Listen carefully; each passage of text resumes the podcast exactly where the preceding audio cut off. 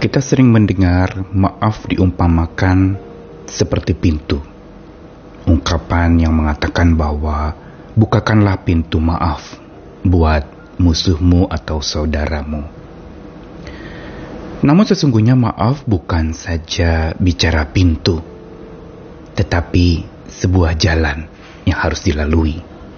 Mengapa saya katakan demikian? Pintu adalah cara orang untuk keluar dari sebuah rumah. Namun, maaf itu yang diawali dengan jabat tangan saat pintu dibukakan. Itu hanyalah awal dari sebuah perjalanan panjang yang harus dilalui. Bukan saja pintu, tetapi itu adalah jalan. Dan bukan hanya jabat tangan, tetapi harus dilalui jalan pengampunan dan maaf-maafan itu sambil bergandengan tangan.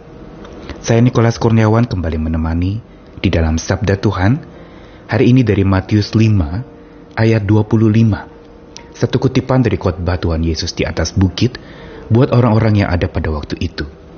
Yesus mengatakan demikian. Segeralah berdamai dengan lawanmu selama engkau bersama-sama dengan dia di tengah jalan. Supaya lawanmu itu jangan menyerahkan engkau kepada hakim dan hakim itu menyerahkan engkau kepada pembantunya, dan engkau dilemparkan ke dalam penjara.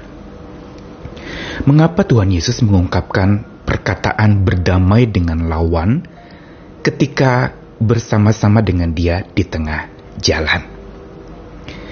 Jangan lupa bahwa pola pada masa di mana Tuhan Yesus hidup adalah sebuah pola di mana agama memerintah begitu rupa dan menghakimi manusia dengan sangat kejam. Pengadilan-pengadilan agama atau mahkamah agama pada masa itu sangat dijunjung tinggi. Begitu juga supremasi hukum agama atau hukum Taurat yang dipegang orang-orang Yahudi waktu itu sangat dijunjung tinggi.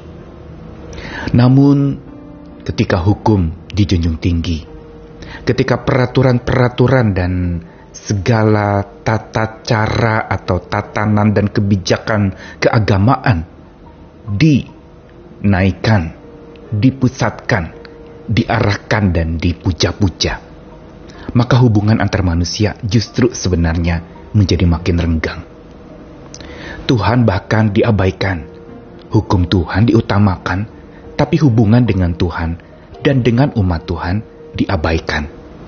Inilah yang terjadi pada masa di mana Yesus hidup dan melayani. Karena itu nasihat Yesus yang sepenggal ini memberitahukan kepada kita tentang satu bekal yang penting untuk supaya kita bisa hidup bukan sekedar bermaaf-maafan, tetapi hidup yang penuh maaf itu mengantarkan kita kepada hidup yang penuh damai. Karenanya penting untuk kita belajar berdamai dengan lawan-lawan kita. Yang mana berdamai itu bukan sekedar maaf-maafan. Berdamai itu bukan sekedar jabat tangan lalu selesai. Tetapi berdamai berarti mau berjalan bersama-sama dengan lawan kita sambil bergandengan tangan. Segera berdamai dengan lawan selama bersama-sama dia di tengah jalan berarti mengharuskan kita membangun sebuah hubungan yang baru setelah saling melukai itu terjadi dan merusak hubungan yang ada itu. Betapa pentingnya pesan sabda Tuhan ini untuk kita praktekkan di dalam hidup yang bila ingin penuh damai, kita perlu hidup di dalam maaf. Dan bila ingin mempraktikkan maaf, kita bukan saja berjabat tangan, harus bergandeng tangan, berjalan kembali, memulai kembali, walaupun pernah sakit hati dan ini yang Tuhan Yesus katakan.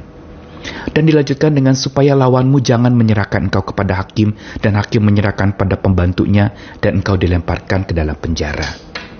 Ucapan Yesus tentu saja bukan melawan supremasi hukum atau mahkamah agama yang berlangsung pada waktu itu.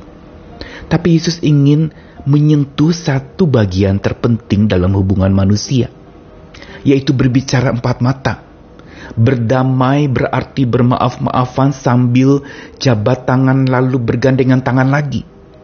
Dan lalu kemudian saling memahami, mengerti, menerima bahkan akan sakit hati yang pernah dialami atau sakit hati yang pernah kita lakukan kepada orang lain. Di sinilah pentingnya hidup berekonsiliasi atau berdamai, yang bukan sekedar mohon ampun atau minta maaf. Pesan sabda Tuhan hari ini mau mengajarkan kepada kita, supaya mari kita terus hidup di dalam maaf, sekaligus menjalankan maaf itu.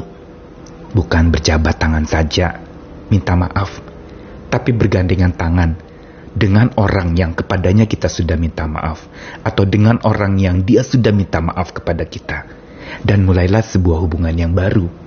Bergandengan tangan bersama-sama, walaupun hati sama-sama pernah terluka, pernah sakit hati. Jalanilah hidup ini dengan hubungan yang penuh damai, agar hidup kita menjadi damai. Dan kalau hidup kita menjadi damai, kita pun siap beristirahat di dalam damai, berdamai dengan Tuhan kita berdamai dengan diri kita, dan berdamai dengan sesama kita. Mari jangan hanya jabat tangan, tapi ayo bergandeng tangan. Amin.